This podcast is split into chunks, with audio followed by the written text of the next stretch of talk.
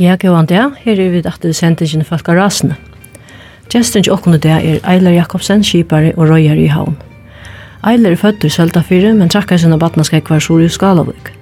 16 år gammal før han første fyrt skips. 17 tog han skipare prek, og under 24 trus let han uisborg bytja av skala skipas mye. Og vi Arnon blei til 90 skip som har først til samans om 2 millioner tons av fiske til lands. Samla i upphatten av tog som kipen til eiler av fiska i leipande vire er om 2 milliarder kroner. Vi er til omrokna til dagsvire er vire 4 milliarder, og til sværa rujtjelia til samla av utlåtningsvire til fyrjon i fjør. Høyre til manningene i Jøkken Arne har vært, eller har haft et dagsvire oppa 1,5 milliarder kroner. Det er nøyvann til å gjøre opp hvordan ega familier og Jøkken Arne har vunnet løsens oppehalt ombord av kipen og kjeiler. Og nekver er til lesande som i frytøyne har fått seg lesna i vi inntøkker fra turen i sommerfrytøyne. Her har sett kom atler til avløyde inntøkene til servisering av kipon, øyne kipa smyr, høylsøller og anna. Og innan Jan Sjeifors hei fyrtøkken til eiler i et vire oppa om halv trus kroner. Men søytene kom noen ring og her, og innan Jan 96 var vire kom i halvt nere og 1 million kroner. Men hevast eiler ta av våren pensjoneraver, så ville han ikke gjevast, men bygde fyrtøkken opp at til det, som hon stått noe selt fyr. Nå hever eiler selt seg søgnasta skip, og han sølan gav 1,5 millioner i landskassan, som er nå mykje til å gjalda for alle kommunolakna skipanna i år, etla tann sjukradagpenning som er sett av og fortjallion i år, etla ter uiløver, i fjør, i år og komande år til bygging av Edelsøymon. Vi er tampeninger som fjellet i noe øyer, eh, og sjekke av sølene og kjipen utgolden parstøyerne, så skal vinnesbøyden skatte gjaltast, og en er 70 millioner kroner, sværende til 4,5 prosent. Men kjenner vi et eilig rett, så vil tampeningren ikke golden utle parstøyerne, men setter i nødja vinne, som så atter kommer å kaste av seg til samfunnet. Gavan det, Eiler, og velkommen. Velkommen. Gåan det?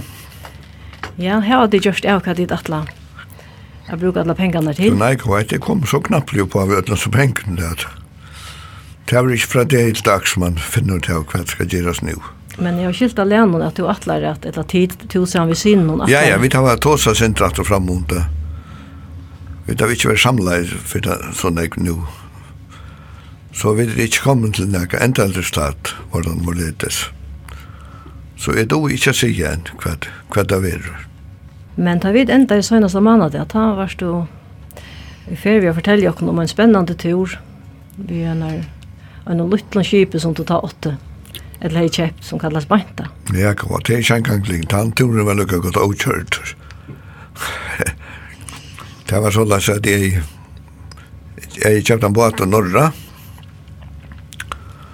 fra en fyrtøk som kallet jeg Vest Vestkruser. Eh, Mæveren som bygde han at Ottmar, Ottbjørn Nykort. Så en pen at det så var bare livet, og så fikk jeg på, nu var bare livet, og Så jeg helt at hvis man passer seg løyer, så silte bare så mye kjøtt, at vi da til å klare av Sikland heim. Og det ble så løs at det så gav vi Ottbjørn og jeg Vi tvar jag cykla på Atanheim tvära en. Det var en lejar lejar kvöld. Och jag är väl så avskött när jag lustar bär efter efter eh, vad kallar man det? Sjálvarpnu, ja. Og finn ikke vevetøyn i sjálvarpnu. Men, eh, og ikke lort at det vekkret sjøs. Og det var ekkert kila, det kan det godt vi ganger sjálvor, men det blev nog så. og, og han sier så godt vi och jeg tenkte at vi skulle ikke bruka med en dag. Själv har hört i utrarbatarna vi följer. Vi ikke finns fungerer fungerar bor, men inte centaren. Ta, ta var det en blankan tog til å få centaren att fungera. Så det var et veldig väldigt av færre vi onkorsentare vi havet. Så lykka mig ikke leia kvöld, da var vi klare, og så fyrir det seg. Og ta vidt forekomne skal trusjåringar ut ur stadt, ta brenti han og vi på land, vintula beint på land. Og ta som kjenner til stadt, det er etter ringa av farvan som er av den norske gutten. Så jeg tar det ikke av en datter, jeg måtte jo så kaldsilt vi båten. Så jeg valgte bare å halte av fram. Og vekkret jeg bare vestnei. Ja, vi tvingde nok bare sjåver nok så kjøtt, men det var så kjøtt, det var ikke tog at man er av sjåver. Det måtte dreias og styras og tekkas fra og, og passa løyer alla tøyina. Det var veldig bråten i middelen. Sånne morgen, da fink vi det et veldig bråt, det skjøtt av firmaer enn. Og jeg tenkte med meg selv at dette var det sista bråt som du først. Og jeg levande løyve. Men brått og breit, og det er formt det mest at var drive på at Og normalen som var nere under, han kom opp og Og jeg merkte at det var ferdig av ristelse på at og, og når jeg var brått, brått, jeg sier alltid ikke. Og så kava jeg natt og nir under atter. Og så fortsetter vi bare av fram Men det leier det. Så het det sånne morgen alltid. Nå så kjem vi da kjip. Og vi prøver så at koma nærri så gav kjipen og få samband med det. Her kom jeg med over ut av verandan og røpte jo igjen, og hatt heller at hittir i all fems jøringar og henne. Lander ikke ur, ur, ur norrentan av Kjettlandet. Og det er vist at jeg ville ringt farvaten her ute, ja. Og så får han inn og klamsa i ornatter og Vi drønte jeg av vinka mot her som vi til det landvera, at få han fyltas vi jakken. Nei, jeg var ikke å gjøre. Men så var det veldig store russisk mauerskip som tok imot og fiske fra smarre skipen. Og vi kom nok sånn her einan av oss ned i skipen og rundt jeg kontakta til eisene. Men her var løyte reaksjon, men så knapplig jeg så. Altså. Så lår jeg av tar en liten kassa nere av sugene. Og en enda kjall fyllt av kassan. Men jeg tar det ikke så nære vant at vi å få de skrona, så er vi prøyskjevne, så. Vi kvart var vi nesten inn under kipen og kvart var vi omanför kipen. Det, det, det var av rinkassa veckor som sagt. Så jeg sier som i normannen, Fær nyer og og tek en neirakett og alt opp for nøysna av dem. Så sutt at det er alvor i. Og det gjør det han så. Og sent, samtidig rundt i peika da vi som et land landvær og fattar en fylta vi okkur. Nei, her var han ikke tjajt altså så.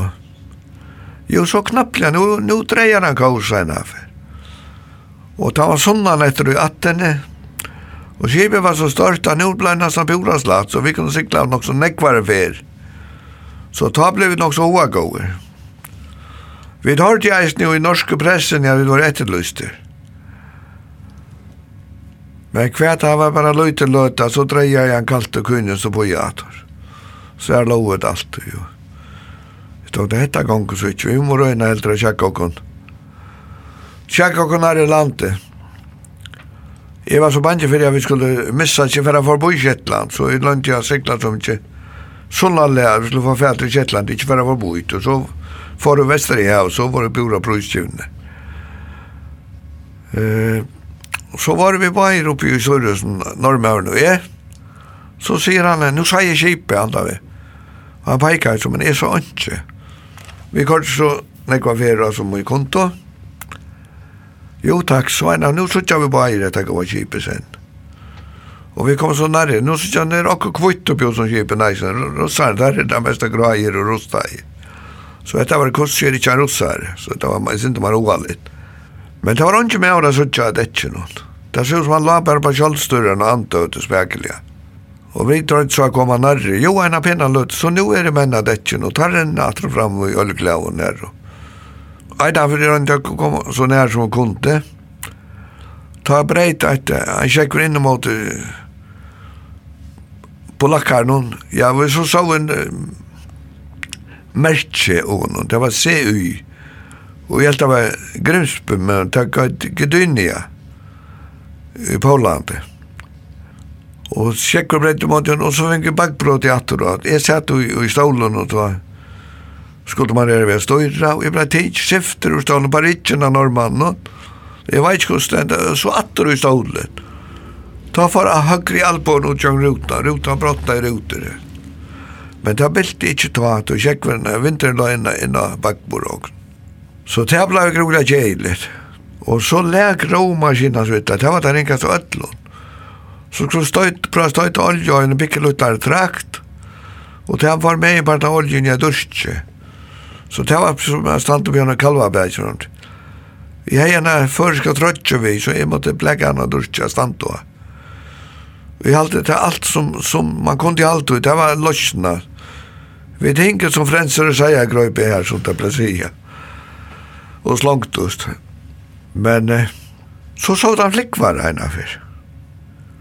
Og biver og og vi tar den norske pressen, nu er det der sier en bad. Så så det kjip. Ta visst det var boanes. Først båten som jeg først sjølver har silt. Ta første året det var lutsjør. Men han kom omkant så nära at Vi fick omkant kontakt vi han som så. Og han er så boa fra at nu er han sær på enda gåa på. Men eh, han så ikke luftstegn bor, så folk ble meira forskrekt heima. Og vi lov bare på kjølstårene, men den var ikke stil meg. Og det gikk så Vi finner så av vite, men ikke at du hver vi får det derfra. At nå har vi kommet nær nærmere, ikke nå har vi 34 i Kjettland. Så det er ikke givet sintra vi nødt til sikla. Men nå jeg et annet skip. Og jeg var klar var det bare tvei i førre skip som hadde sånne ljóskastar og iskljóskare. Og lustan som äckla klæna strål och det var bara boarna så skala för oss. Och jag hoppas jag själv att nej det var Kronborg og skala för oss. Jag hoppas att det var Kronborg. Jo, han kom så nærre, så han er en av luttla master framför vår master. Så sa jeg så luttla masterna att han mer hoa Mare nå nu det akkur ekna kip.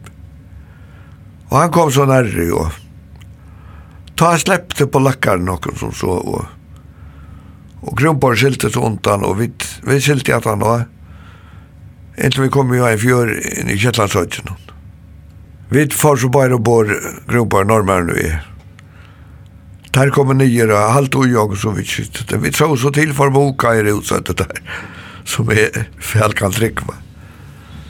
Men så var det också vi inte rikka så väl i maskinrummet någon. Så måtte jag ner rundt på den normen ut. Han lå han var färn ur i EU-bält. Han var som en flekkut kik som han var blåmärkt om alle kroppen som han er i slis jo i. Men han fikk så förklara att han det eventuelt kunne være, og der finnes man kimmar han tjocken kom og for å bor her ut så det finnes jo i ortan. Og der skilte så Kronborg at han var så til Lervik.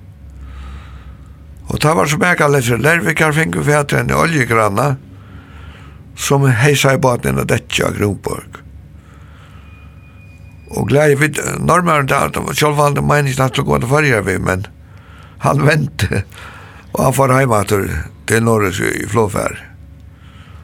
Så jeg kom så ensmalt reim vi. Men minst da vi kom i en måte kajen, det var et høyde folk av kajen. Jeg gav og grunden. Og Peter, sånn den kommer som vi er i, løytelt, at jeg har hørte han råpa, pappa. Da måtte jeg være innan til Storhus. Det var en rørende løte. Ja, ja. Da råkna jeg aldri via. Du råkna ikke via å vinne opp land? Nei, nei, jeg råkna ikke via å vinne malien og snøy mat. Nei. Og jeg sier at det var en glede familie som tog mot og kom. Og alle mot og gav vi fikk. Det var helt fantastisk, ja. Men vi skulle kanskje få hørst den første sangen, som du ringste hørste, ja? Ja. Ja. Vær til. Vært her for meg, ja. ja.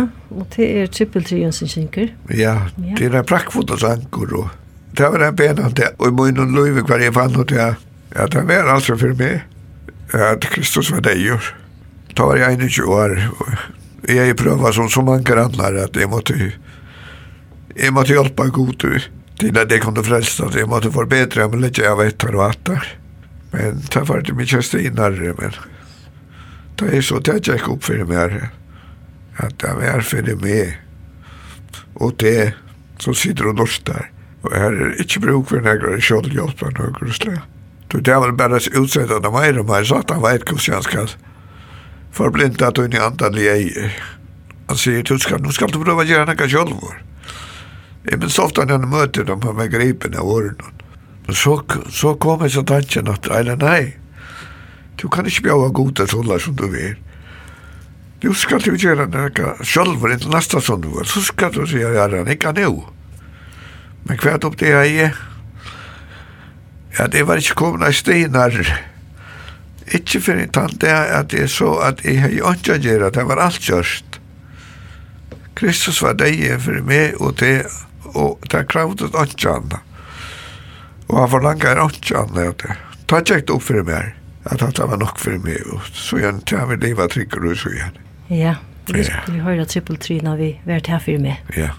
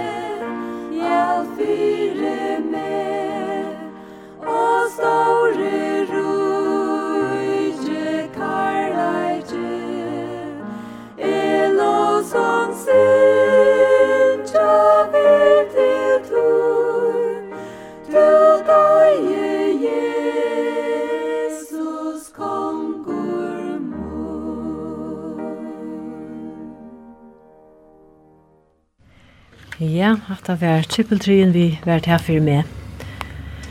Ja, eller to er vi vi nekk med skipen Jøkken Arne. Ja, for det første har vi vært har vi åt, åtta skip, nødje skip jolver, omframt alle lutla beintebaten. Og så har vi først hadde jeg åtta andre skip. Og nå har vi kjøttet vinstra knæget ut. At Ein som har slitt i åtta kip opp, og nødvendig kip pluss åtta under. At eit knæ er ferdig, at det er stål kip. Det er ganske ikke kjuntarligt. Det er en måned siden det var gjørst, så. Og det ser ut til å fungere godt. Ja. Det skal bare ha oss noe ui. Ja. Men, ja, våren var det settene kip i i første, vi var senest her. Ja Og jeg minnes hans vel en dag jeg kom til Jørgen Fransabrekkene, men vi gav vi inn just i Tone, som er først Atlantsverden, som på Hansen i Leia, fra Klaksvud, der bitte jeg var alt, altså, jeg var brekkene. Og ta finket der til balansen av Nutsjamba, som er brester, og just skulle føre han.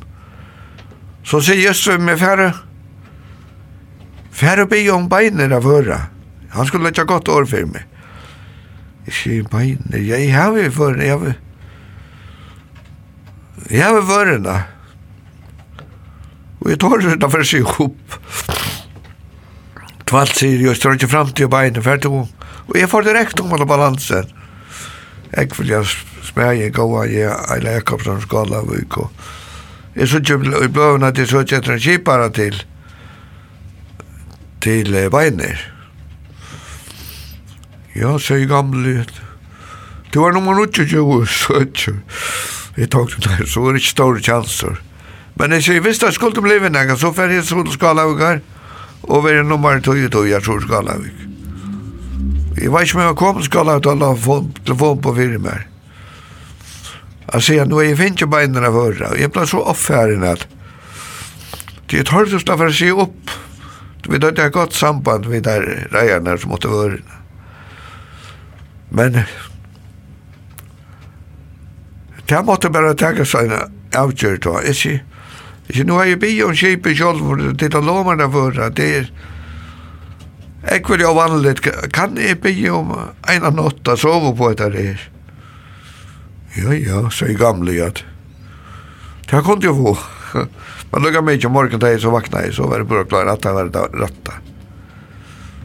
Så at... Ja, hvordan var det så? Jo, vi får så, vi får så, vi, vi får så vi atlantsverden. Og får jeg Soland først, vi gøtt noen, hvis jeg minnes rett, men det var ikke særlig. Og så får vi da, nei, så får vi til Løyne, til Newfoundland, just til tunne, som den undangangen med hverandre er. Han er vært i kjølvor har i fire vi atlantsverden, og funnet noen kjaleier her, så vi får det her som han er ved. Men da vi snakket av oss til å færre, og gjøre klart til egn og så, Nå var det noe bakka kjip ikke. Da var det ikke fire at det omstår ikke det. og det var kaldsvart i tåko, og det var uisfjøtlo i ui og i farvaten. Så det var ikke helt over for den sikla vi en kip når ikke var bakka. Og vi prøver så at han sikla mot, mot St. John, hovedstaven her i Fulland. Og vi dotter, det var ansjen som dotter naga særlig var ansjes. Bittlig jeg kvann, sånn og sånn, jeg kvann, bittlig jeg kvann her i brekken. Ja så gift vi Harriet. Vi bare prøver og der grin jag tog natt där vi hade sagt att vi lov vi en en reja bojo Jag vet inte sagt, vi heter lika mer rejan dronk, red boy. Men loj kan vi inte. Det er rett så skilt altså. Og her visste jeg, så väl låspart på det på sojorna også. Og det var stadväck så koldsvart i mörska. Men her var en grinna nega nere. Nei, Bjørn, nu sikla San John. Det var alt det. Det er godt å gå med. Vi la oss under nekna dagar og og tattlaren kom og bor. Nu tjekk ikke så godt. Tar prata og åkford om okkur sertifikat. Men vi funnet ikke til hva det er vær for nekka. Og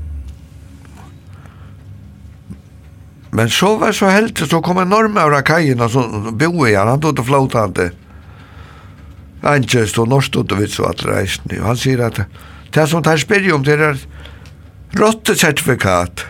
Og det hadde vi noen kjennskap til i forrige. Jeg har aldri norsk da før. Og det var ordentlig paragrafrutare som hun sier. Jeg sier, det kunne komme, vi tar var noen rotter ombord. Og det kunne komme ombord og, og, og undersøkja kjipet sjolvi. Nei, nei, nei, der du bare hava et sertifikat. Nei, Yes, då sa så heim, vi tar ikke balansen med leia kip, nu er vi pura laste faste der. Vi slapp ikke ut av det igjen. Og så fikk jeg det gram fra at han så tar jeg eisen oppskivet, att tar det prøve alle kanaler som tar kunde för ja, folk får läsa.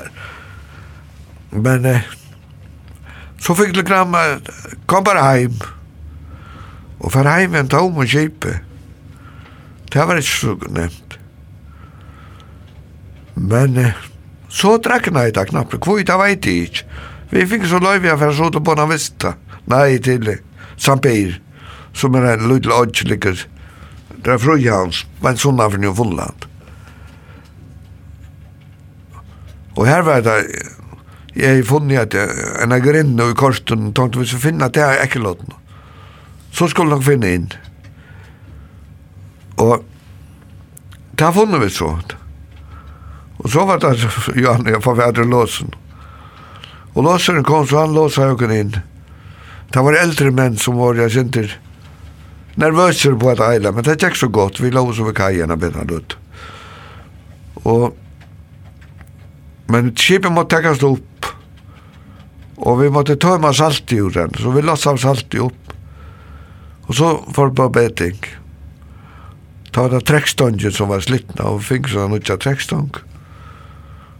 Og jeg halte vi var gjerne vik her, så silt vi datter. Og så fikk vi agn og og i Sambir så var jeg ute av fiska, fikk aggeslokk. Og da jeg kan bli vel i fiskarøyne, fikk han av smekkfotla. Ja, og torsk. Og minni jeg lå inn i, ta fikk jeg brev fra Axel Hansen som sier at jeg skulle få beinere førra, så da var gåa le. Og han kom så til jævlar til samme året da vi var littner. Ja, vi får så silt vi atlandsverden mest. Og det er ikke ganske godt. Ja. Ja, vi skulle kanskje få hørst en sangatrett. Det var yngst at hørst en som øyde med tørver alltid til. Ja, Evald Sørensen synger mitt land her, ja. Ja.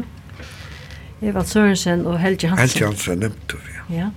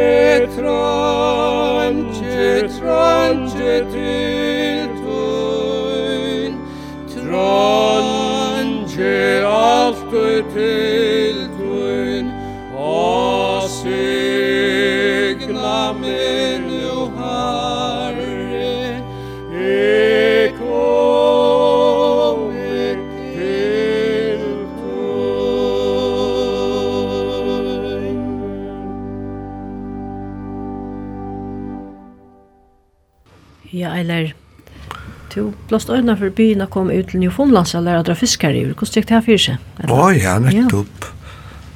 Ja. Konrad Johansen, hvordan er Mar Mara Company? Axel Mortensen, ja. Tar var det bittner om at skaffa en mann i vår. A lære til å fiska vid løgn på samme måte som hvitfiska. Tar fiska vi ikke akkurat på samme måte, og slett ikke vi stauren kip. Det var mest vi smarre båt. Og jeg var akkurat i ferie, frugjer ta for beiner der jeg tog. Sama bror alltid for. For å føre beiner. Så jeg tok chansen for Ivor.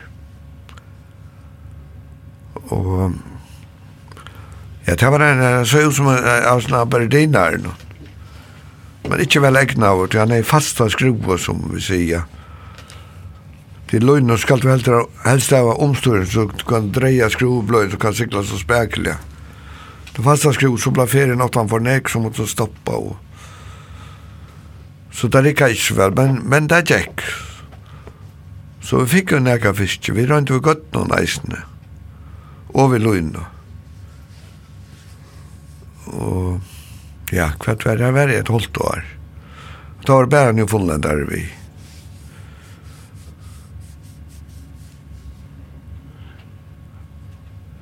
Ja, det var bare en fulllærer vi.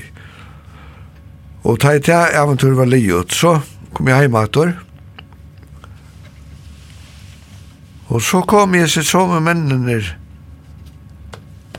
som jeg fiska fyrir, heim til fyrir, og ta var jeg om vår beinrat, og ta passa så vel til han det eit at det kom i raunna. Ta kom vi akkurat inn vi fotlandskipet, og ta fotlalast og fiskar av dekkina som skulle utsast. Så tar blev det Opel så över sig och för att det ska vara cheap. Men där satt jag en trejt att så chatt på så skulle jag följa vi. Så jag är för så för att valk, jag bara vill vi. Jag tog chansen. Ja, så forlankar de själv att jag med skulle då anches. Jag kan inte examen när jag själv att sätter det i samband med agenten som vet det på henne. Visst, det rör russalatan. Mm Ikke kan spørre han. Jo, han sier var fyrir i anskje, men jeg tog ikke anskje, yes og no. Og... Så jeg kom iver her, jeg flentet at her flent, og rundt jeg synes jeg fornuft til det ut, og jeg lukkes, og ulike. Jeg ble galt ikke. Men selv jeg så lærte jeg etter hånden og nækka. Og ta, vi var hva tutsi føringar vi, og 15 i fullendar. Så det var en sinte blanta fornøyelse. Vi til løtte langt ut for lukket av Flemmenskap, der er en 304 lande. Og langt og fyrsta dagen da vi fiska av. Der domte jo ikke etter, det var ikke venn å være så langt til kjøs. Men jeg tog seg akkurat vi Eivind Niklasen som førte Vestervån. Der var jeg eisen av Flemmenskap her. Ikke nå kommer jeg med postet, da bor jeg neppa fra gau. Da kom en av mannskapene vi postet, og jeg minns godt hva det stod i breven, enn.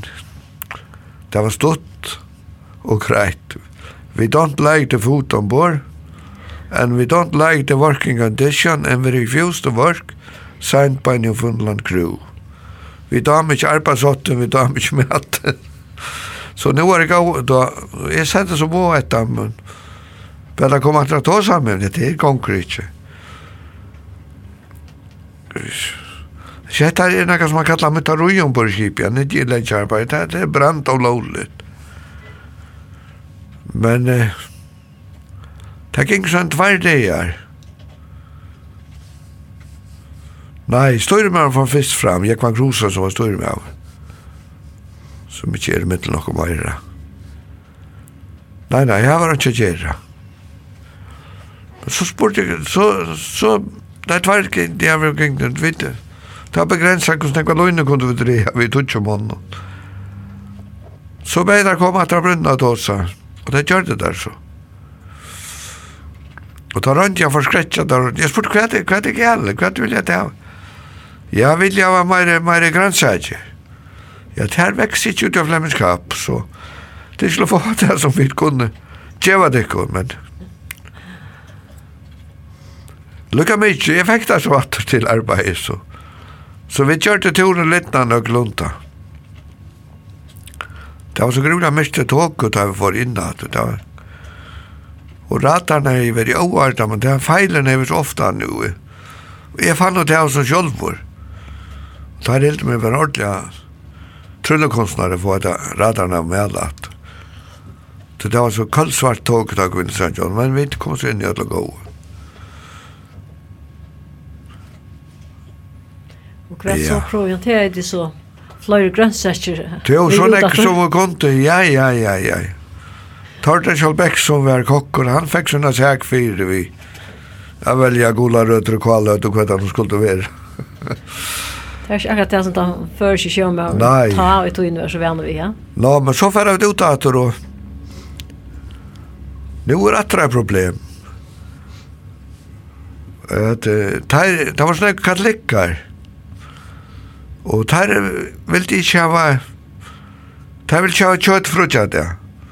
Og kokkeren var så fukan ytra, der skulle være bestemma du var alt som de var damen etter, ikke gode, du vet, du kommer å lære der å fiska, vi ikke kommer å lære der å etta.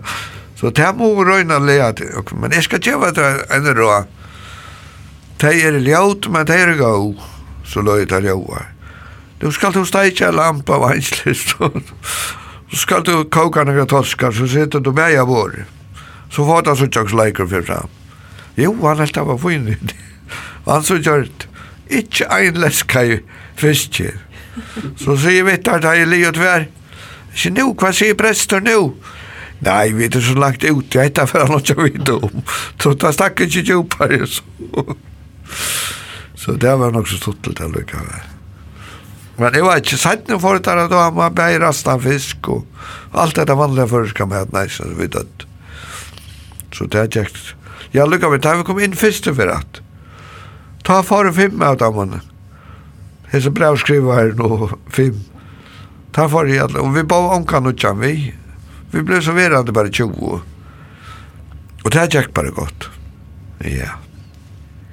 Ja, vi skal få høre en sangatrett. Ja. Det er, um, jeg fann en vin, og det er dobbeltkvartetten Ebenezer som synker. Jeg fann en vin, og vann en vin, ikke før han kjente, vi karlais bond, og drå han med, og så til søgn er vende, Og nu tja honom heldur mer han som som ödlom rävor Er i han så han er mun Ui äver ui äver E fann ein vin og kvann ein vin Han døye og i live. Et frelsa me ur deia hans sjål han hefur givet, Tui vili onci kalla mui, Nei hans stel skal vera, Mun mot mut verk, mut lui, mut alt, I vil som offer bera. If fann ein vin, og kvann ein vin, han er, öll vegi Han frelsti og han leia vil Og öllum lusins vegi Me vatrar durdin din avia Og tui om at betrævur Et vetja virka vinna nu Og kvila so i evig. If an ein vin, og kvann ein vin, so goan eiman sannan, eit forsverstert ein leiara, ein vin, so mongan annan, kvært valkan ruiva, mer ut ur tui hon, som ötlum rævur skal deg i lui, skal helvete Nei, han er mui nui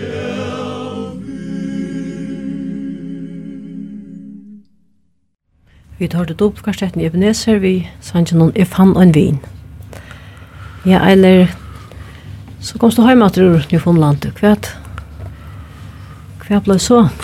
Ja, Paul Hansen skulle bytja tvær notabatar. Ja Men det ble vi at re ut, og det ble ikke tilnækka.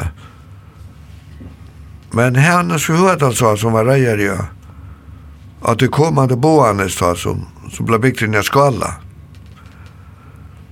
Han bjør meg så for at det gav boende sa han ble livor. Og han skulle fiska av nota og det var jo veldig spennende. Og det tok jeg av. Og jeg ble så kjipere av boende. Jeg halte det var røy. Og da var det jo mann vi får første tur når de følger. Og vi fikk trøst hans i en kaste som vi øysa av. Og vi landet det til Agn til Damavirk i Laksvik. Og så får vi en tur att og ta fikk vi den i halvfjerstånds. Men nu er knappt jo ikke kjeipar i fyrju. Men henne så er det altså som jeg kanna kanna sölmöjlaga nere i Hirsals. Hei funnet ut av at jeg vil gjerne ha silt nere i Hirsals. Så vi får får direkta ned til Hirsals å selja. Sigurd Espersen, som var en av de store ut, silta kjøparen i Hirsals. Han har et, et fyrtäckare som kallar kallas der er flere flera reisen, som förrikar förra. Og jeg minns han var kjolven i lastene. Vi hadde jo anka kassa, vi hadde utsa bara hitler. Men selv det var i ordet forstå. Og så vi måtte lempa han opp i kassa i lasten Sikkert var kjolven i lasten jeg i gang. Soldaterstilen, det minns det godt. Det var så spent på hva som gav silt. Og så i kassa så sendte han han til Tyskland. Så vi gjør det sånn ampelig en tur. Så fyllte vi skipet ved kassar og vi satt og var vi hjem til farger. Og da vet du kom det hundra fjordingar ur norske kjøttene, strontene, lista. Vi satt ned mest ni prata og så kommer jeg med av nere og mitt nå sier sånne skip som sikla nu. Jeg tenkte til sikkert til det skip. Så jeg får opp og kort i Astrikken en gang, jo, allsikna. Det var en man skriva i bægebor. Men skipet var så fullt av avråte, eller hva man skal kalla det. Her, her var det siltakassar, og her var nåt, og, og skotter. Paolo Wang, som er vi jokken innlenda det, vi tåsar vi han hva du skulle gjera. Jo, jo, han er jo, vi for å rutta, for fætre nåten. I klokka 28 om morgen, da var vi klare å kaste, og kaste og finke 14 kastar silt. Og danskaren stod opp i hora borte da vi kom ned at vi skulle jo være var, var lutslas. Og nu var det langt jatter. Og vi ble vera til, til alt sommaren i det. Ta fiskar du jo for å minka några for. Og vi gjør det bare godt, selv om prisen var man 70 forsøyre da. Men jeg har i allt å si at skal för vilja så kostar ju oljan väl som enn 60 år. Så det blev pengar bror jeg jag vel. väl. Kjauteturer. Ofta man får ut om kvöld og rinnar om morgen etter. Ja. Så la jag det här sommar så ble vi verande nere här. Så får vi Ja, det var så starkt en til folk sin saken som at det var for tre, ja, som at leie det som hela själva var vidt å skaffe og grunda lägga under den i Norsjön. Så får vi inte färja røyne av løgn då. Ja, men eller nu klockan blir så nekve at uh, vi nøyest på boja vi tog til nasta måndag. Ja, det er godt nok. Ja. Og Arren skal du slippe høyre, Arren Jevas det skal slippe høyre at han såna så sanchen som du inte har i det og det er Nærre med god til tøyn, og det er sankar i Ebenezer som synker. Og så er bare ekta å si at dette var sendingen Falka Rasne, og utvarstående Jonas Iversen, og gesteren i det er Eiler Jakobsen, og han vil øyne at vi okkom. Takk fyrir og farvel.